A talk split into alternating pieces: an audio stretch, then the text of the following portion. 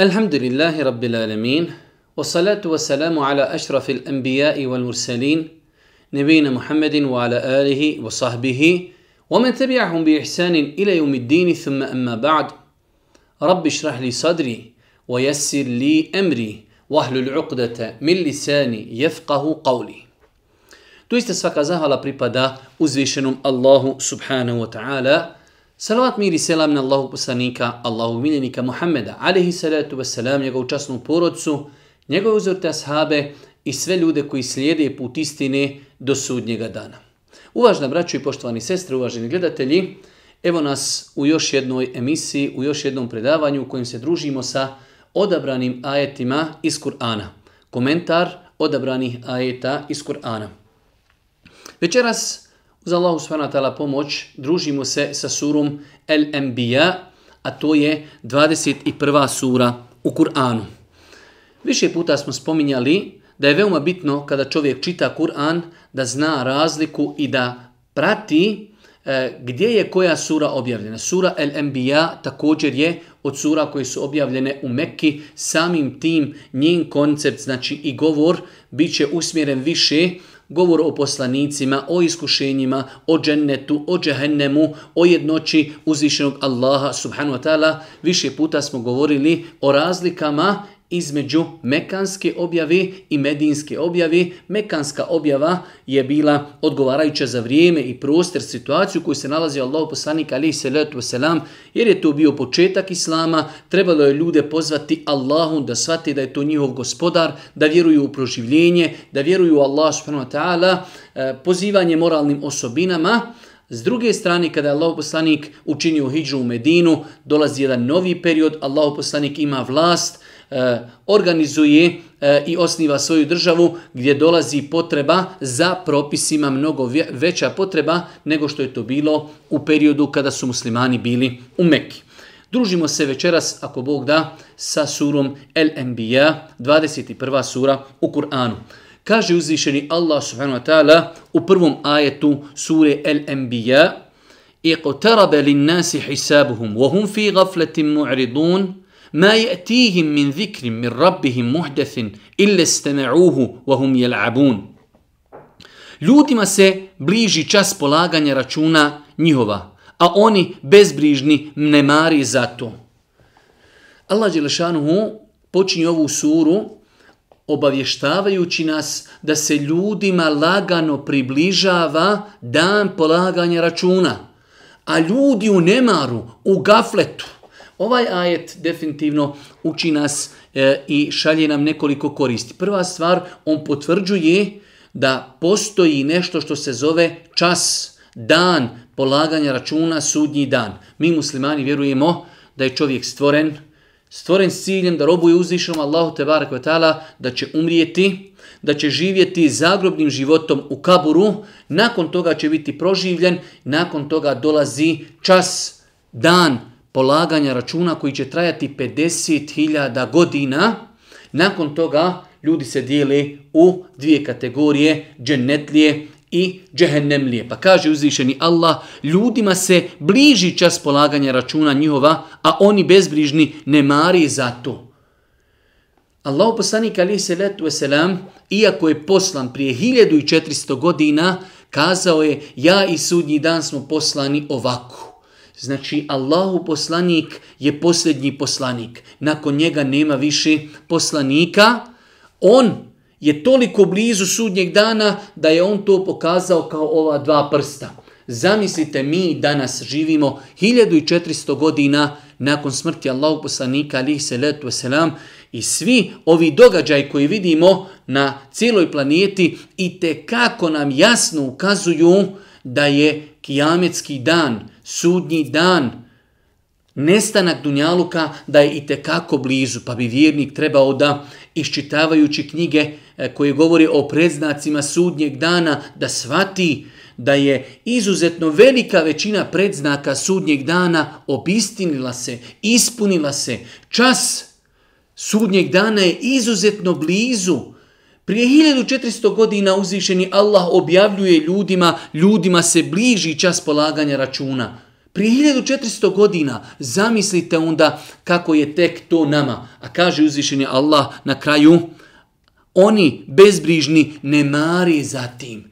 Ljudi bezbrižni, kao da se ništa ne dešava, hrle za dunjalukom. Danas ljudi kao nikada u životu i u historiji čovečanstva toliko su vezani za dunjaluk, za materiju i tako dalje. Pa insan treba da ga ovaj aj da ga probudi, da ga razbudi, da ga vrati u stvarnost. Mi živimo pred kraj dunjaluka, u dunjalučkom pogledu gledano, znači sudnji dan je i tekako blizu, pa bi insan trebao da se priprema za dan povratka uzvišenom Allahu subhanahu wa ta'ala. Nakon toga uzvišen Allah subhanahu wa ta'ala u petom ajetu kaže oni čak govore to su samo smušeni snovi. On ga izmišlja, on je pjesnik, neka nam donese kako čudo kao i prijašnji poslanici. Narod u Mekki kada je Allah poslanik alihi salatu wasalam pozivao Allahu subhanahu wa ta'ala za Božijeg poslanika su govorili da je sihribaz, da je e, prorok, govorili su da je pjesnik, da izmišlja, da laži i tako dalje. Čak su govorili nek dođe sa nekim velikim ajetom kao što je Musa alihi selam imao štap, kao što je Salih alihi selam imao devu i tako dalje. Tražili su od Allaha, od eh, Allahu poslanika alihi salatu wasalam da dođe sa nekim velikim čudima, pa kao ako on dođe, oni će vjerovati. Allahu poslanik alihi salatu wasalam došao je sa mnogim, mnogim čudima. Allah Žešanu ga je pomogao sa mnogim muđizama. Jedna od tih velikih muđiza jeste da kada su Kurejšije tražili od Allahu poslanika da se mjesec popolovi, Allah subhanahu wa ta'ala je to i učinio pa se mjesec popolovio, ali su oni tada kazali innema sukira tepsaruna, ma jok, nije to tačno, to su samo, to je nama pogled opsihren. Nama je pogled opsihren, a nije tačno da se mjesec, da se mjesec popolovio, iako ljudi koji su bili izvan Mekke, Nakon toga, nakon dana i dana su došli i kazali su u toj noći kada vi tvrdite da ste u Mekke vidjeli e, da je se mjesec raspolovio i mi smo tamo negdje izvan Mekke to vidjeli, pa ako je poslanik mogao opsihriti ljude u Mekki, nije mogao opsihriti ljude koji su bili desetinama i stotinama kilometara daleko od Mekke, ali jednostavno inat, prkos nisu htjeli da povjeruju Allahom poslaniku alihi salatu wasalam. Nakon toga uzvišeni Allah subhanahu wa ta'ala u suri Al-Anbiya vjerovjesnici kaže لَقَدْ أَنْزَلْنَا إِلَيْكُمْ كِتَابًا فِيهِ ذِكْرُكُمْ أَفَلَا تَعْقِلُونَ Deseti ajet suri Al-Anbiya kojeg mi veoma često citiramo u našim predavanjima, izlaganjima, ajet koji nam govori o Kur'anu. Kaže uzvišeni Allah, لَقَدْ أَنْزَلْنَا إِلَيْكُمْ كِتَابًا فِيهِ ذِكْرُكُمْ Efe la ta'qilun, mi vam knjigu objavljujemo u kojoj je slava vaša, pa zašto se ne opametite? Allahu ekber. Uzvišeni Allah na jasan način poručuje vjernicima. Lekad enzelna ilaikum kitaben. Mi, Uzvišeni Allah o sebi govori u množini pa kaže mi vam objavljujemo knjigu. Uzvišeni Allah je stvoritelj zemlje i nebesa. Objavio je ljudima knjigu ako je budu prakticirali, budu živjeli po njenim principima, bit će sretni i zadovoljni na dunjaluku prije ahireta. Mi vam objavljujemo knjigu u kojoj je slava vaša. Želite slavu na dunjaluku, onda je to put Kur'ana kaže uzvišeni Allah subhanahu wa ta'ala inna hadha al-Qur'an yahdi lillati hiya aqwam doista Kur'an ukazuje na najbolji mogući put Muslimani moraju shvatiti, moraju se preispitati put slavi, put uspjeha, put prosperiteta, put sreće je put Kur'ana. Laqad anzalna ilaykum kitaban fihi zikrukum efela ta'qilun. Mi vam objavljujemo knjigu u kojoj je slava vaša. Hoćete li se opametiti? Arapi, prije nego što je došao Boži poslanik ali se letu wasalam, bili su ljudi kojima niko na svjetskoj sceni nije posvećivao nikakvu pažnju. Postojali su dvije velike civilizacije, Perzijska i Rimska. Arapi su bili na margini, na margini svjetske scene, pa je došao Muhammed alihi salatu wasalam. Obradovo ih objavom, obradovo ih Kur'anom, pa ih je uzvišeni Allah u jednom historijskom periodu koji je izuzetno kratak, uzdigao ih je da su postali vodeća i glavna sila na svjetskoj sceni. Kada?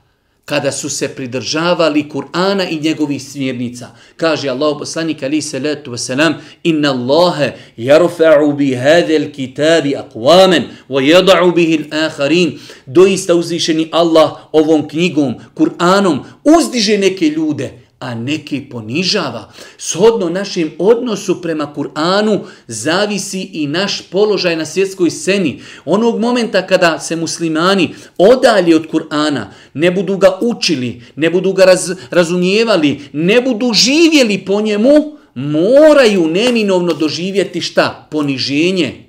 وَمَنْ أَعْرَضَ عَنْ ذِكْرِي فَإِنَّ لَهُ مَعِيشَةً ضَنْكَ Onaj ko krine glavu od knjige moje, teškim, teškim životom će živjeti. Jasna formula, a onaj ko se bude pridržavao Kur'ana, ako umet hoće da postane faktor na svjetskoj sceni, moraju, moraju, moraju satiti da je jedini način da to postignu povrata Kur'anu i učenjem, i razmišljanjem, i praksom, i međusobnim podučavanjem, لَقَدْ أَنْزَلْنَا إِلَيْكُمْ كِتَابًا فِيهِ ذِكْرُكُمْ Efele ta'qilun. Mi vam objavljujemo knjigu o narode, o muslimani, o ummetu. Mi vam objavljujemo knjigu. U njoj je slava vaša. Efele ta'qilun. Hoćete li se opametiti? Dok se muslimani ne opameti, nema im povratka na svjetsku, na svjetsku scenu.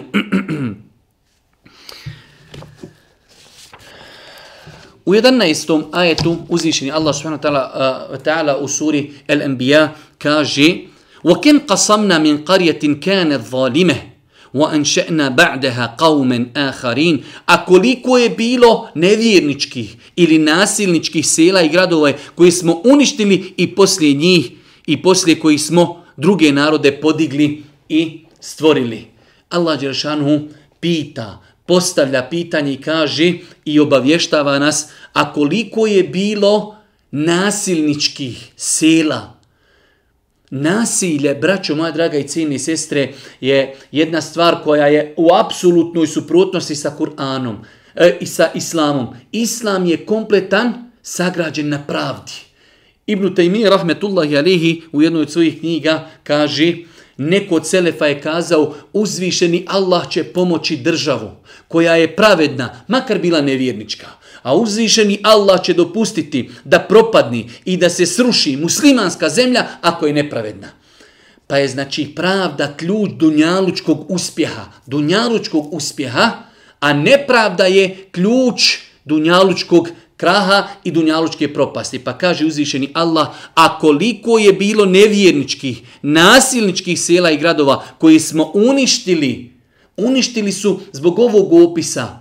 وَهِيَ valime, Oni su činili zulum, činili su nepravdu. Najveća nepravda je nevjerovati u Allaha. Najveća nepravda je biti nepokoran uzvišenom Allahu. Nakon toga dolaze druge vrste nepravdi na državnom nivou, na poročnom nivou i tako dalje. Čak insan može prema sebi biti nepravedan nepravedan sebi, onda kada je nepokuran uzvišenom Allahu i zbog toga će biti kažnjen, pa insan može biti nepravedan prema sebi. Pa ovdje uzvišeni Allah nam jasno pojašnjava da je razlog uništavanja prijašnjih naroda vahija valime. Onda kada je kada su sela i gradovi kada su bili nepravedni, kada nisu vjerovali u Allaha, kada se nisu pokoralavali njegovim naredbama i kada nisu ostavljali ono što im je uzvišeni Allah subhanahu wa ta'ala zabranio. U 16., 17. i 18. ajetu uzvišeni Allah subhanahu wa ta'ala kaže وَمَا خَلَقْنَ السَّمَاوَاتِ وَالْأَرْضَ وَمَا بَيْنَهُمَا لَاعِبِينَ لو أردنا أن نتخذ لهوا لاتخذناه من لدنا إن كنا فاعلين بل نقذف بالحق على الباطل فيدمغه فإذا هو زاهق ولكم الويل مما تصفون Mi nismo stvorili nebo i zemlju i ono što između njih da se zabavljamo. Allahu akbar. Zemlja i nebesa nisu stvorena iz zabavi. Stvorena su s ciljem. Allah Želšanu je stvorio zemlju, stvorio je nebesa, stvorio je čovjeka kao namjesnika na zemlji da robuje uzvišenom Allahu subhanahu wa ta'ala. Pa sunce, zemlja, mjesec, sve je stvoreno sa ciljem, sve ima svoga stvoritelja, stvoritelj je uzvišeni Allah subhanahu wa ta'ala. Pa kaže mi nismo stvorili nebo i zemlju i ono što između njih da se zabavljamo, da smo se htjeli zabavljati, zabavljali bismo se onako kako nama dolikuje, ali mi to ne činimo. Kaže uzvišeni Allah da smo se mi htjeli zabavljati i razonodom baviti. Kaže velik broj mu fesira ovdje da je uzvišeni Allah htio da ima suprugu i da je htio da ima dijete. Ne bi uzimao suprugu ženu sa zemlji ili dijete sa zemlji, već bi to uzeo od stanovnika nebesa. Ali Allah subhanahu wa ta'ala je daleko, daleko uzvišen od toga, ali pod pretpostavkom, kaže uzvišeni Allah subhanahu wa ta'ala, mi nismo to stvorili iz razonodi, a da smo razonodu tražili, da smo radili, da smo e, tražili razonodu, onda to ne bi činili, znači, sa zemljom i stanovnicima, i stanovnicima zemlji. Kaže uzvišeni Allah, mi nismo stvorili nebo i zemlju. I ono što između njih da se zabavljamo. Da smo htjeli se zabavljati. Zabavlja, zabavljali bismo se onako kako nama dolikuje, a mi to ne činimo. Nego istinom suzbijamo laž. Istina, istina je uništava. Koga uništava? Laž i laž nestaje. A teško vama zbog onoga što o Allahu iznosite. Kaže uzvišeni Allah subhanahu wa ta'ala, nego istinom suzbijamo laž. Kažu mu Fesiri, istinom Kur'anom suzbijamo laž, suzbijamo nejasnoće, suzbijamo batil, suzbijamo neistinu i sve ono što ljudi iznosi, e, što nema osnove i što nije tačno. Pa uzvišeni Allah subhanahu wa ta'ala objavio je ljudima Kur'an. Tibijanen li kulli šeji. Kao odgovor na sve. Kur'an je odgovor na sve balalete i svaku zabludu i sve što ljudi imaju od nejasnoća u Kur'anu ima odgovor. Pa kaže uzvišeni Allah, nego istinom suzbijamo laž. Istina uguši neistinu pa nestane pa nestani laži, a teško vama zbog onoga što o uzvišenom Allahu subhanahu wa ta'ala iznosite, pa je Kur'an apsolutna istina. Kur'an potiskuje, Kur'an uništava neistinu, dalalet i zabludu. Ovaj ajet nas uči da čovjek kada želi da, da pomjeri, da pobriše, da uništi neistinu, onda najbolji način je afirmisanje Kur'ana, podučavanje ljudi Kur'anu, pozivanje ljudi islamu, podučavanje ljudi istini, a samim tim će nestajati i uništavati se, uništavati se neistina.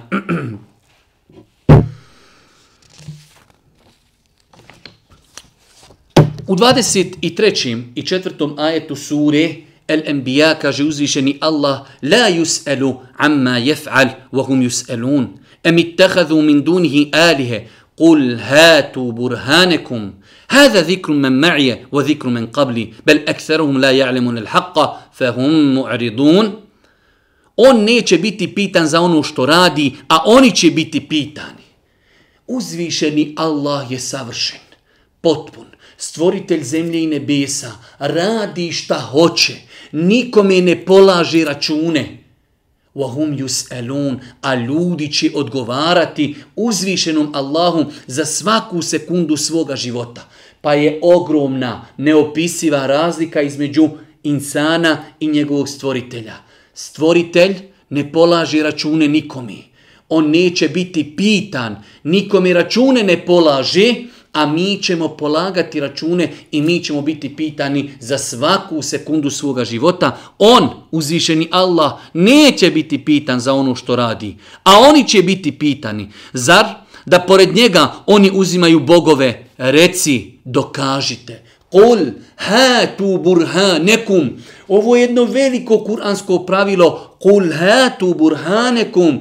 Dajte dokaz. Ako imate vi neka druga božanstva mimo Allaha, donesite dokaze. Pa je vjera Islam vjera dokaza. Pa je vjera Islam vjera nauki. Pa je vjera Islam vjera naobrazbi. Insan kada želi govoriti o Islamu, treba da priča na osnovu dokaza. Dokazi u islamu su Kur'an, sunnet Božijeg poslanika, alihi salatu wasalam. Nažalost, mi živimo u vremenu kada ljudi svoje postupke dokazuju filmovima, serijama, praksom djedova eh, i tako dalje. Dokazi Kur'ana, dokazi Islama su Kur'an i sunnet Božijeg poslanika, alihi salatu wasalam. Nakon toga ispravna analogija i konsenzus islamskih islamskih učenjaka. Pa kaže uzvišeni Allah, Kul hatu burhanekum, donesite dokaze. Insan mora da se pazi kada govori o vjeri, da govori sa dokazima Inne sem'a wal basara wal fuad, kullu ulaike kan anhu mes'ula. I vid, i sluh, i jezik, i razum, za sve će to čovjek biti pitan. وَلَا تَقْفُ مَا لَيْسَ لَكَ بِهِ عِلْمِ Nemoj se povoditi i nemoj govoriti i nemoj tretirati ono o čemu znanja nemaš. قُلْ هَاتُ بُرْهَانَكُمْ Dajte dokaz. Insan kada govori o vjeri, kada nešto tvrdi, mora imati jasan, čvrst, ispravan, validan dokaz o onome što govori. Pa, braćo, moja draga i cijeni sestre, moramo naučiti, moramo biti svjesni Hvala uzvišenom Allahu, pa ova naša vjera je vjera dokaza. Zato je e, Selef znao kazati ljudi iz prvih generacija da nije lanca prenosilaca. U vjeri bi mogao govoriti ko hoće šta hoće, ali ima lanac prenosilaca. Hoćeš nešto da kažeš, moraš citirati hadis Božih poslanika. Hoćeš nešto da kažeš, moraš citirati govor uzvišenog Allaha subhanahu wa ta'ala. Nakon toga u 25. ajetu sure El Enbiya, jedan veoma interesantan ajet, a taj ajet smo dosta puta tumačili kao jednu veliku kuransku formulu, kaže uzvišeni Allah, وَمَا أَرْسَلْنَا مِنْ قَبْلِكَ مِنْ رَسُولٍ إِلَّا نُوحِي إِلَيْهِ أَلَّا إِلَهَ إِلَّا أَنَا فَعْبُدُونَ Prije tebe nijednog poslanika nismo poslali, a da mu nismo objavili, nema Boga osim mene, zato se meni klanjajte i meni robujte.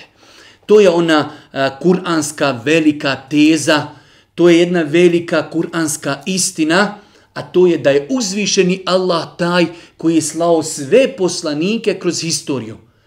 Nema poslanika koji nije poslan od uzvišenog Allaha tebareke ve taala od Adema alejhi salatu vesselam pa do Muhameda svi poslanici su bili slati od uzvišenog Allaha jednog gospodara zemlje i nebesa i svi su pozivali jednoj temeljnoj činjenici. La ilaha illa Allah. Nema Boga osim Allaha. Nema božanstva koje zaslužuje da mu se robuje i da mu se ibadeti čine osim uzvišeni Allah. Fa'budun. Pa meni pokorni budite i meni robujte i meni ibadet činite. pa je ovo jedna velika kuranska istina, jedna velika kuranska formula. Uzvišeni Allah je taj koji slao sve poslanike kroz historiju, bez izuzetka. Svi su oni bili muškarci i svi su oni bili ljudi. Svi su oni bili, kada kažemo ljudi, nisu bili e, meleci, nisu imali pri sebi nikakva božanska svojstva, pa čak ni Isa, alihi salatu wasalam, je samo bio, kao i svi drugi poslanici, bio je insan, bio je muškarac, bio je čovjek, nije imao nikakva božanska svojstva.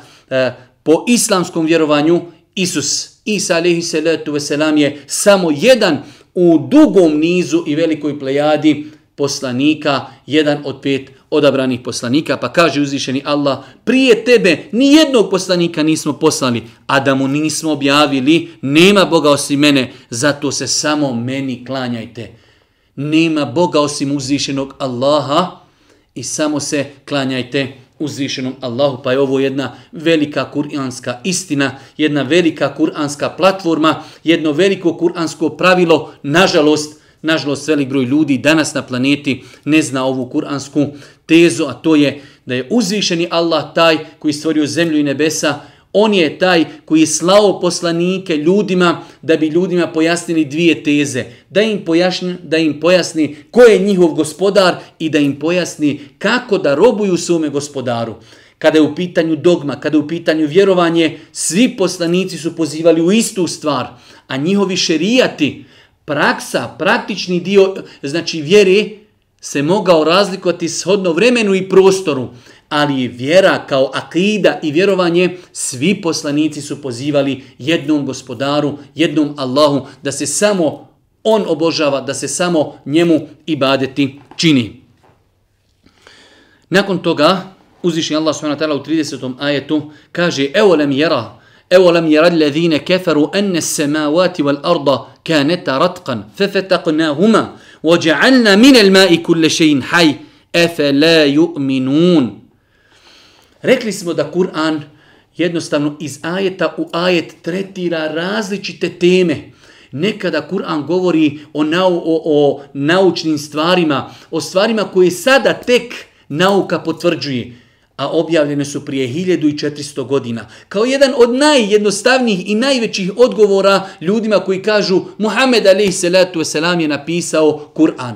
Apsolutno, znači ljudi koji jednom samo pročitaju Kur'an, bez obzira da li vjerovali u njega ili ne, samo jednom kada pročitaju Kur'an i kada vide kakve teme obrađuje i kakve podatke Kur'an iznosi i znaju u kakvom vremenu i podneblju je živio Muhammed alihi salatu wasalam, da nije znao ni pisati ni čitati, rekli smo da su Arapi u to vrijeme bili na margini civilizacije, vidimo da Kur'an govori o nebesima, govori o zemlji, govori o morima, govori o planinama, govori o kosmosu, Vidjet ćemo danas u suri El Enbiya na koliko mjesta uzvišeni Allah govori o kosmosu.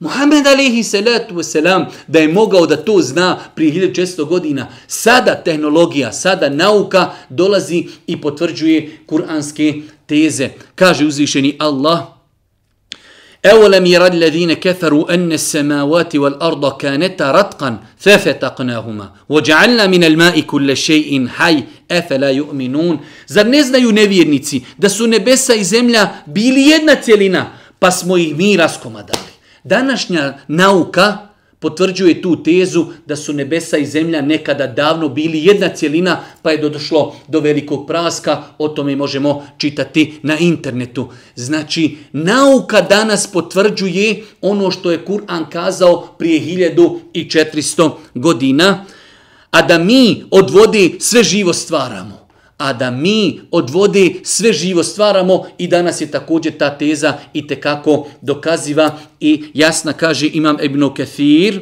aslu kulli hajjin min osnova svakog živog bića je voda. Allah Đelšanu nam kaže i da mi od vode sve živo stvaramo i zar nećete vjerovati. Zar nećete vjerovati pored tolikih dokaza i nebesa i zemlji o fi enfusikum i u vama samima su dokazi insan koji je bio kaplica sjemena. Kaplica sjemena vremenom je prerastao, vremenom je narastao, vremenom je odrastao, postao insan. Allahu ekber, kada pogledate samo tu genetiku, da čovjek u toj sitnoj kaplici sjemena prenese genetiku svojih roditelja, prenese genetiku od svojih predaka u toj sitnoj kapljici sjemena. Čovjek liči na svoga oca, liči na svoju majku i tako dalje. Allahu ekber, sve su to dokazi u nama samima samo za one koji želi da razmišljaju.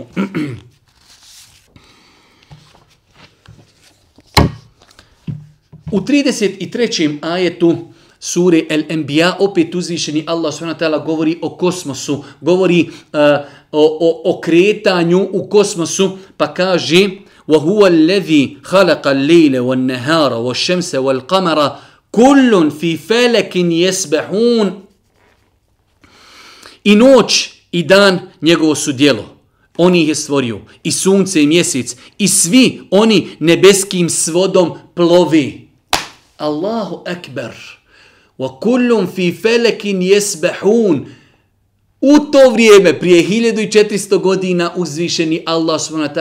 kaže, objavljuje Muhammedu alihi salatu wasalam, kaže i noć i dan, to je stvorio uzvišeni Allah i sunce i mjesec i svi oni nebeskim svodom plovi. Vidjeli ste kako kada odu oni kosmonauti, kada odu u svemir, kako oni gore možemo za njih kazati kako plovi. Sve u svemiru se kreći. Prije 1400 godina uzvišeni Allah subhanahu wa ta'ala Muhammedu alihi salatu wasalam objavljuje da sve u svemiru plovi. Da sve u svemiru se kreći. Subhanallah il azim. Zar pored ovakvih jasnih e, činjenica, teza, podataka insan može sumnjati u istinitost govora uzvišenog Allaha subhanahu ta'ala. Nijedan čovjek prije tebe nije bio mesmrtan. Ako ti umriješ, zar će oni do, e, do vijeka živjeti? Svaku živo biće smrt će okusiti. Mi vas stavljamo na kušnju iz, i u zlu i u dobru i nama ćete se vratiti dvije mnogo bitne kuranske teze. Mi smo rekli da ćemo pokušavati kada komentarišemo ove ajete, da odabiramo ajete koji liče kuranskim pravilima. Kullu nefsin dha'iqatul maut. Na više nije sta uzvišen Allah u Kur'anu ponavlja isti ajet pa kaže svako živo biće će smrt okusiti. Allahu ekber. Insan kada bi se dnevno družio sa Kur'anom, pa svaki drugi treći dan da naiđe na ovaj kur'anski ajet u Kur'anu, kullu nefsin dha'iqatul maut, svaka živo, svako živo biće, svaka duša će smrt okusiti. Insan nekada zaboravi na smrt, pa potrči, školuj se, pa ženi se, pa gradi kuću, pa odgajaj djecu, stiči na faku i tako dalje. Zaboravi insan da će jednog dana otići da će to sve ostaviti, ponijeće sa sobom samo svoja dobra dijela i loša dijela. U kabur dva kvadratna metra, dva kubika zemlje i završena stvar. Sve ostaje. Pa je mnogo bitno da se čovjek prisjeti ove teze. Kullu nefsin za iqatul maut. Svako živo biće, svako stvorenje će smrt okusiti. Svi ćemo se od unjaluka otići.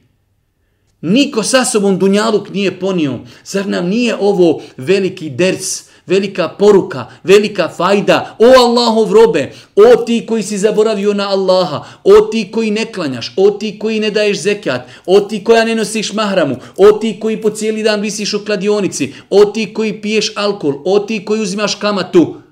Kullu nefsin dha'iqatul maut. Bolan, otićeš sa Dunjaluka. Jesi li spreman? Jesi li svjestan o kakvom ulogu se radi? Radi se o vječnom džennetu. Nemojte dozvoliti sebi da prodamo onaj vječni ahiret. Džennetska uživanja za dunjalučki prolazni život. Kullu nefsin ve iqatul meut. Svi ćemo mi otići, neko ranije, neko kasnije, ali svi ćemo otići. Pa kaže uzvišeni Allah, mi vas stavljamo na kušnju i u zlu i u dobru i nama ćete se vratiti.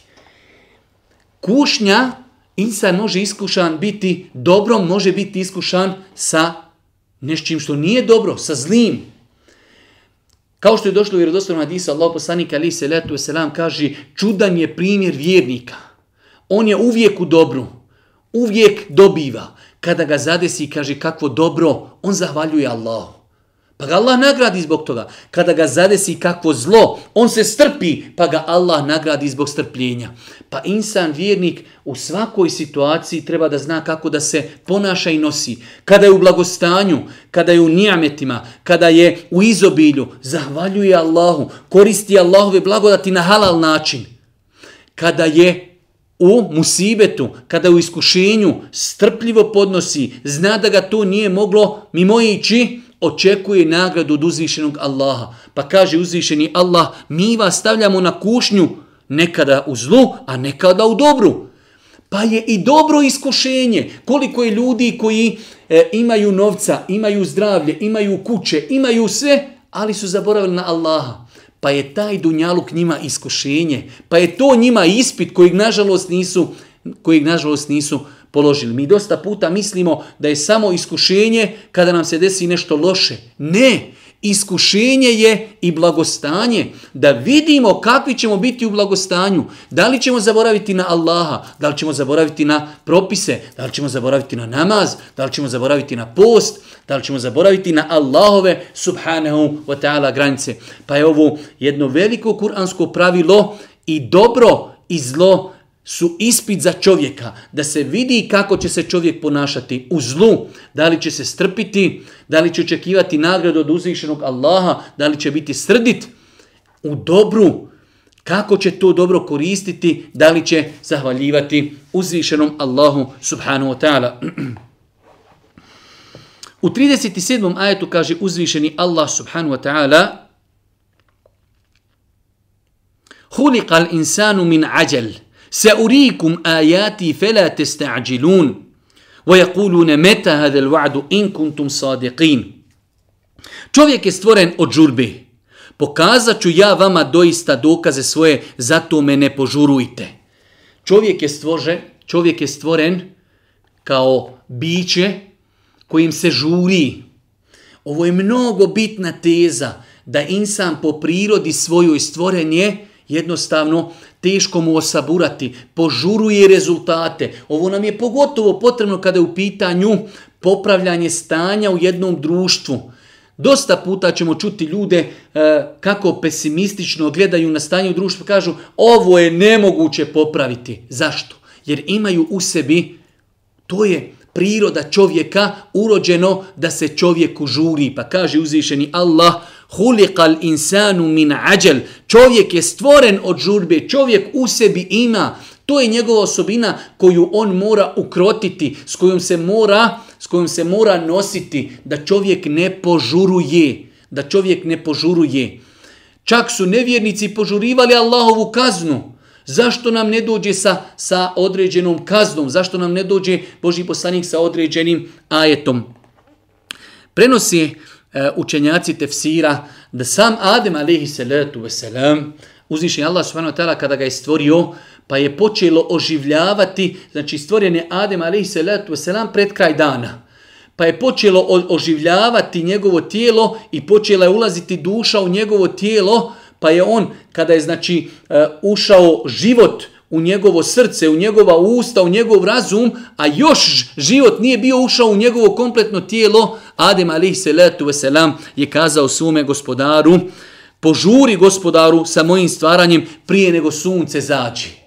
Eto, njeg mu se negdje žurilo, bitno je da završi se njegovo stvaranje prije zalaska sunca. Bez obzira što nema nikakve u tome koristi prije zalaska ili poslije zalaska, ali to navode mu Fesiri kao dokaz da je insan stvoren jednostavno eh, da eh, požuruje stvari, ima u sebi tu dozu požurivanja, pa insan treba da pazi kada je u pitanju porodca, kada je u pitanju nafaka, kada je u pitanju popravljanje stanja u jednom društvu, mora da pazi da ne požuruje stvari prije nego što sazrije za njih situacija.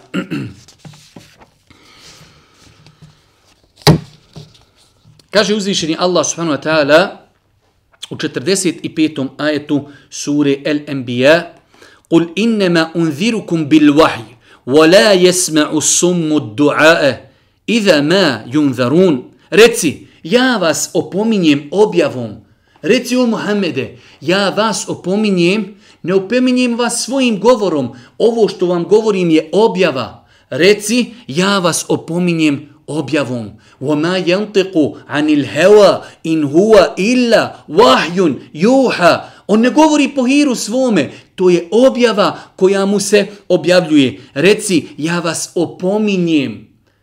Cilj slanja poslanika jeste el-inzar, upozorenje.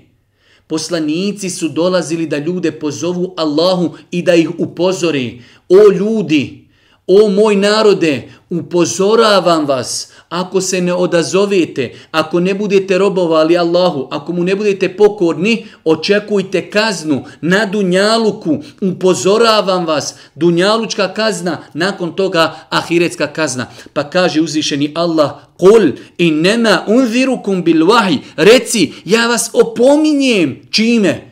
Opominjem vas objavom, ali gluhi ne čuju poziv kada se opominju. Ovdje uzvišeni Allah ljude koji ne prihvataju poziv istine poredi sa gluhom osobom. Gluha osoba, ti njemu govoriš, on vidi micanje usta, ali ne čuje. Tako imate ljude koji čuju da ti nešto govoriš, ali to ne nalazi mjesta ka njegovom srcu. Pa uzvišeni Allah kaže, a gluhi ne čuju poziv kada se opominju. Ljudi koji ne vjeruju u Allahov govor. Imamo više kuranske ajeta gdje Allah Đeršanu pojašnjavajući i objašnjavajući svojstva Kur'ana, kaže on vjernicima povećava uputu, a nevjernicima povećava dalalet i zabludu. Allahu ekber, ista knjiga, isti ajeti, jednim ljudima povećava uputu, povećava im sreću i zadovoljstvo, drugim ljudima povećava nezadovoljstvo, povećava kufr, povećava sumnju i tako da. Ista knjiga. Pitanje je kako čovjek pristupa, kako je njegovo srce, kako njegovo srce pristupa onome što mu dolazi. Pa kaže uzvišeni Allah u prijevodu značenja, reci ja vas opominjem objavom, ali gluhi ne čuju poziv kada se opominju.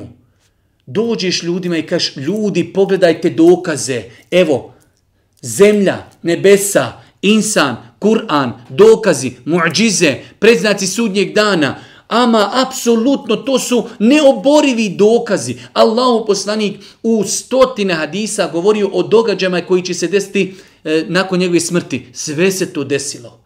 Uzvišeni Allah u Kur'anu iznosi e, činjenice o kosmosu, o nebu, o zemlji, o morima, o planinama. Danas dolazi nauka, danas dolazi tehnologija, potvrđuje kuranske teze, kuranske činjenice. Ljudsko tijelo, savršeno, fi ahseni takvim, čovjek stvoren u savršenom, najljepšem obliku, o fi anfusikum efela tubsirun, i u vama samima imate dokaze. Ljudsko tijelo je najveći dokaz Allahovog savršenstva. I opet ljudi neće da vjeruju. Ljudi ne vjeruju. Pa kaže uzvišeni Allah, ali gluhi ne čuju poziv kada se opominju.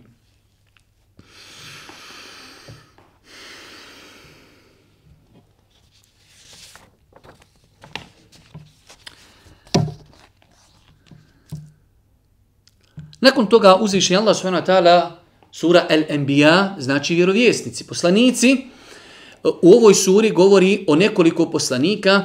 E, imamo nekoliko ajeta koji tretiraju e, događaj sa Ibrahimom alaihi salatu wasalam. I onaj poznati događaj kada je Ibrahim alaihi salatu wasalam e, došao u svom narodu, pozvao ih je da robuju Allahu pa su oni odbili, pa jednog dana kada su oni otišli, on je uzeo sjekiru i polupao je njihove kipove. Pa da vidimo taj razgovor kako je Ibrahim alaihi salatu wasalam pokušao na racionalan način da pristupi svom narodu, da ih navede na razmišljanje da vjeruju u uzvišnog Allaha. Pa kažu oni njemu, jesi li ti uradio ovo s bogovima našim, o Ibrahime? Upitaši oni. To je učinio onaj najveći od njih. Pitajte ih ako umiju govoriti, reče on. A oni se zamisliši, pa sami sebi rekoši, vi ste zaista nepravedni. Zatim glave oboriši i rekoši, ta, ti znaš da oni ne govori. Allahu ekber. Pogledajte jedan interesantan dijalog između Ibrahima i njegovog naroda. Oni su ošli, on polukao kipove i sjekiru obisi na vrat onog najvećeg kipa. Kad su oni došli, kažu, Ibrahim je sti ovo uradio. Kaže on, nisam. Uradio je to onaj najveći. Pitajte ga ako zna govoriti. Kažu oni, pa ti znaš da oni ne mogu govoriti. To je htio Ibrahim alihi salatu wasalam da dođu na taj nivo da kažu, pa ti znaš da oni ne govori. To je kamenje obično, to je drvo obično, ne mogu oni govoriti. Kaže Ibrahim alihi salatu wasalam, odnosno oni njemu kažu, ti znaš da oni ne govori. Pa zašto se onda umjesto Allahu klanjate onima koji vam ne mogu ni koristi, niti od vas kakvu štetu otkloniti? Upita ih on. Teško vama i onima kojima se umjesto Allaha klanjate. Zašto se ne opametite? Spalite ga i bogove vaše osvijetite ako hoćete išta učiniti. Povikaši oni. O vatro, reko smo mi, postani hladna i spas Ibrahimu. I oni mu htjedoši postaviti zamku, a mi ih onemogući smo. Kada su shvatili poruku Ibrahima alaihi salatu veselam ljuti, srditi, kažu odbranite svoje tobe jarabi, bogove i božanstva, naložite veliku vatru. Tolika je njihova mržnja bila prema Ibrahimu alaihi salatu veselam da su ga uzeli u katapult da ga ispali u vatru.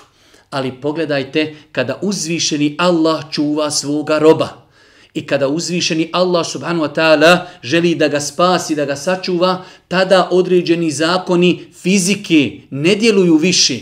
Vatra u osnovi, kada čovjek stavi ruku u vatru, ili ne daj Bože, da bude bačen u vatru, vatra će ga izgoriti.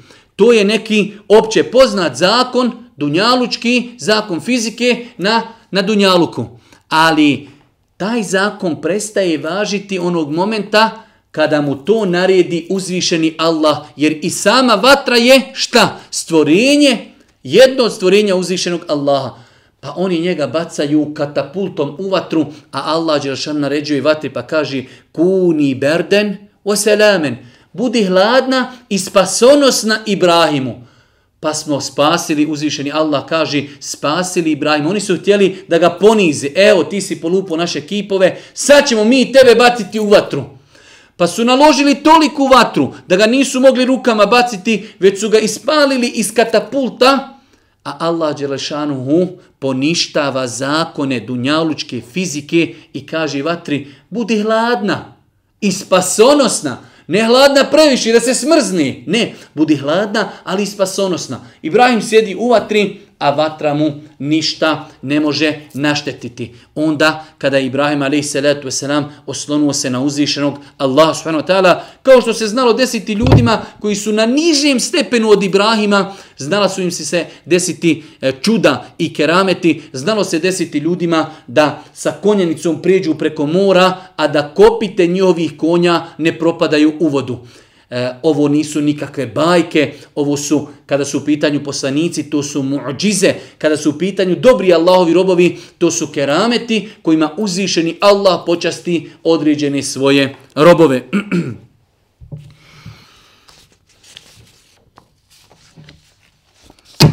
Nakon toga uzvišeni Allah subhanahu wa ta'ala u suri El-Enbiya spominje događaj sa Ejubom, alihi salatu wasalam. Svi znamo događaj sa Ejubom, alihi salatu wasalam da je jedan dio svoga života bio zdrav, da je imao porodcu, da je imao dosta imetka, pa ga uzvišenje Allah s.w.t. iskušao sa bolešću, pa su ga svi napustili, propao njegov imetak, sva njegova porodca je pomrla, ali njegovo strpljenje, njegova dova, da vidimo šta kaže uzvišeni Allah subhanahu wa ta'ala wa ayyuba iznada rabbahu anni massani ad-dur wa anta arhamur rahimin fastajabna leh i Ejubu I Ejubu se, kada je gospodaru sume zavapio, mene je nevolja snašla, a ti si od milostivih, najmilostivih. Odazva smo mu se i nevolju mu koja ga je morila otkloni smo. I vrati smo mu milošću našom čeljadu, čeljad njegovu i uz nju još toliko i da bude pouka onima koji se nama klanjaju. Allahu ekbar.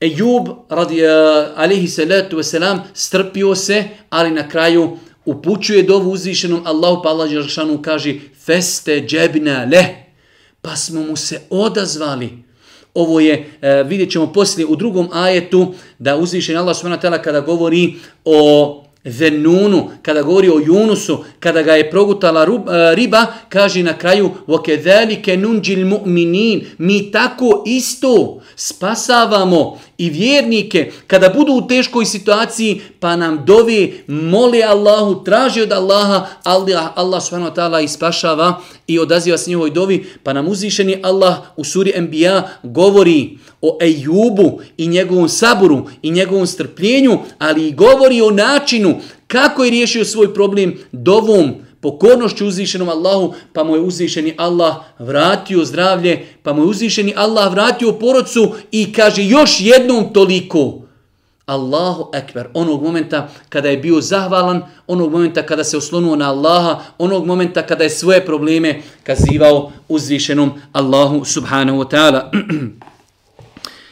Nakon toga 87. 88. ajet وَذَنُّونِ إِذْ ذَهَبَ مُغَادِبًا فَظَنَّ أَلَّا نَقْدِرَ عَلَيْهِ فَنَادَى فِي الظُّلُمَاتِ أَلَّا إِلَهَ إِلَّا أَنْتَ سُبْحَانَكَ إِنِّي كُنْتُ مِنَ الظَّالِمِينَ فَاسْتَجَبْنَا لَهُ وَنَجَّيْنَاهُ مِنَ الْغَمِّ وَكَذَلِكَ نُنْجِي الْمُؤْمِنِينَ إِذَا نُونَ Yunus alaihi salatu wasalam kada srdit na svoj narod, ode i pomisli da ga nećemo kazniti, pa poslije u tminama ribe zavapi, nema Boga osim tebe, valje neka si, a ja sam se zaista ogriješio prema sebi. Mi mu se tada odazasmo, te gobe ga spasimo, eto tako mi spasavamo vjernike. Kedalike nunđil mu'minin. Ejub alihi, e, eh, Jus, e, Yunus alihi salatu wasalam skočio je z broda, pa je se iz mora pojavio veliki kit, velika riba koja ga je progutala i odnijela ga je u morske dubine. Pa je Ejub alihi, pa je e, Yunus alihi salatu wasalam preispitao svoje stanje, pa se pokajao uzvišenom Allahu, dovio uzvišenom Allahu u utrobi ribe u velikim dubinama mora, feste džebina leh, pa mu se uzvišeni Allah odazvao na jednoj, e, hajde kažemo, po našim dunjalučkim parametrima izuzetno teškoj situaciji u utrobi ribe u dubinama i tminama mora feste džebna leh. Pa smo mu se odazvali, riješili mu njegov problem, ke velike nunđil mu'minin, a isto tako mi spasavamo i vjernike kada imaju probleme, kada imaju teške situacije, ako se oni iskreno od, e, obrate uzvišenom Allahu i dovom zamole, uzvišeni Allah subhanahu wa ta'ala će im se odazvati.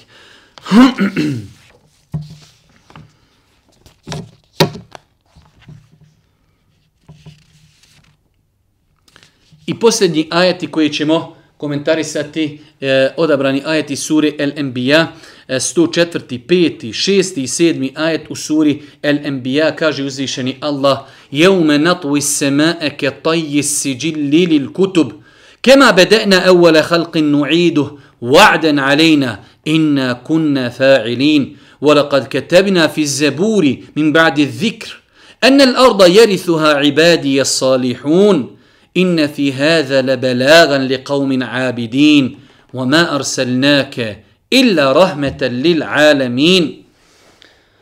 Onoga dana kada smotamo nebesa kao što se smota list papira za pisanje. Allahu akbar. Allah Đelešanu govori o sudnjem danu. Pa kaže onoga dana kada nebesa pogledajte kolika su nebesa što nam ukazuje na veličinu uzvišenog Allaha, kada uzvišeni Allah onoga dana kada smotamo nebesa, kao što se smota list papira za pisanje. Vidjeli ste kada čovjek ima papir pa uzme i izgužva taj list. Allah Đelešanhu, uzvišeni stvoritelj zemlje i nebesa, govori o svojoj veličini, govori o sudnjem danu pa kaže onog dana kada smotamo nebesa kao što se smota list papira za pisanje. Onako kako smo prvi put iz ničega stvorili, tako ćemo ponovo iz ništa stvoriti. To je obećanje naše. Mi smo doista kadri to učiniti. Kao što smo vas, o Allahovi robovi, prvi put stvorili, Isto tako ćemo vas stvoriti i proživjeti nakon vaše smrti, nakon vašeg boravka u kaburovima. Subhanallah azim kada se ljudi zapitaju e, može li, hoće li nas uzvišeni Allah proživjeti nakon smrti, pa kažu islamski učenjaci, mnogo je teže određenu stvar uraditi prvi puta. Mi na Dunjaluku, kada nešto želimo uraditi, najteže nam je prvi put. Već drugi put nam je to lakši uzvišeni Allah je savršen i potpun, ali opet iz tog aspekta mnogo je lakše insana stvoriti i proživjeti drugi puta nego prvi put. Ali uzvišeni Allah ga je stvorio prvi puta, pa ga je usmrtio, pa će ga isto tako i proživjeti da bi polagao račune na sudnjem danu. Pa kaže uzvišeni Allah, onako kako smo prvi put iz ničega stvorili, tako ćemo ponovo iz ništa stvoriti, to je obećanje naše, mi smo doista kadri to učiniti. Mi smo u Zeburu, poslije te vrata napisali da će zemlju moji čestiti robovi naslijediti. U ovome je doista pouka za ljude koji se budu Allahu klanjali, a tebe smo samo kao milost svjetovima poslali. A tebe smo samo kao milost svjetovima poslali. Prije nego počnemo komentarisati ovaj zadnji ajet, u vjerodostojnom hadijskoj bilježi imam Buharija, zabilježeno je od Abdullaha radijallahu ta'ala da je došao jedan da je došao jedan uh, židovski monah. Došao je kod Božijeg poslanika, alihi salatu wasalam, pa mu je kazao, o Muhammede, mi nalazimo u svojim izvorima i svojim knjigama da će uzvišeni Allah subhanahu wa ta'ala na sudnjem danu nebesa staviti na svoj jedan prst. Allahu ekber Sva nebesa, sedam nebesa će staviti na jedan prst. Sedam zemalja će staviti na jedan prst. Drveće, svo drveće će staviti na jedan prst, vodu će staviti na jedan prst, a ostala stvorenja će staviti na jedan svoj prst. I tada će uzvišeni Allah kazati, enel melik, ja sam istinski vladar. Gdje su vladari zemlji sada? Znači vladari, čovjek može biti privremeno vladar na zemlji, ali istinska vlast je Meliki Jeumidin, vladar sudnjega dana. Pa će uzvišeni Allah subhanu wa ta'ala, znači kao što je spomenuto u kuranskom ajetu, svojom desnicom smotati zemlju i nebesa. Kaže, pa je Allahov subhanahu, pa je Allahov poslanik alaihi salatu wasalam se osmijehnuo i nasmijao toliko da su mu se kutnjaci vidjeli. Na riječi ovog rabina on se toliko nasmijao, kaže prenosioc, tasdiqan li haberihi. Potvrđujući, potvrđujući tačnost ovi njegovih riječi, pa je Allahu poslanik proučio kuranski ajet iz sure Ez-Zumer 76. ajet. Oni ne veličaju Allaha onako kako ga treba veličati. Ljudi ne veličaju Allaha onako kako ga treba veličati. Pogledajte tu veličinu. Sva nebesa na jednom prstu, sve zemlje na jednom prstu, sva voda na jednom prstu, sva stvorenja na jednom prstu. Veličina uzvišenog Allaha. Allahu poslanik se nasmijao kao potvrda istintosti e, toga, pa kaže uzviše, pa je rekao Allahu poslanik, citirao kuranski riječi suri e, Zumar, وَمَا قَدَرُ اللَّهَ حَقَّ قَدْرِ Oni ne veličaju Allaha onako kako ga treba veličati. A čitava zemlja će na sudnjem danu u šaci njegovoj biti, a nebesa će u desnici njegovoj smotana ostati nebesa će u njegovoj desnici smotana ostati. Jeume natui semae ke tajji si lil kutub. Kada se nebesa smotaju kao što se smota papir, hartija, Allahu ekber veličanstvenost i veličina uzvišenog Allaha. Oni ne veličaju Allaha onako kako ga treba veličiti. A čitava zemlja će na sudnjem danu u šaci njegovoj biti, a nebesa će u desnici njegovoj smotana ostati. Hvaljen i čist neka je on i vrlo visoko iznad onih koji njemu smatraju nekoga ravnim. I zadnji ovaj ajet gdje uzvišeni Allah subhanahu wa ta'ala kaže وَمَا أَرْسَلْنَاكَ إِلَّا رَحْمَةً لِلْعَالَمِينَ O Muhammede, mi te nismo poslali osim kao milo o svjetovima.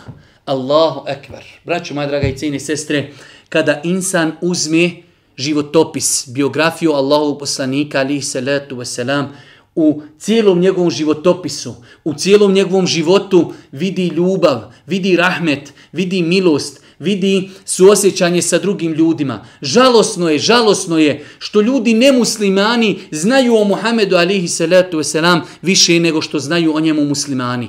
Ljudi nemuslimani kada pišu o najvećim ličnostima historije Muhammeda alihi salatu wasalam stavljaju kao najveću ličnost historije.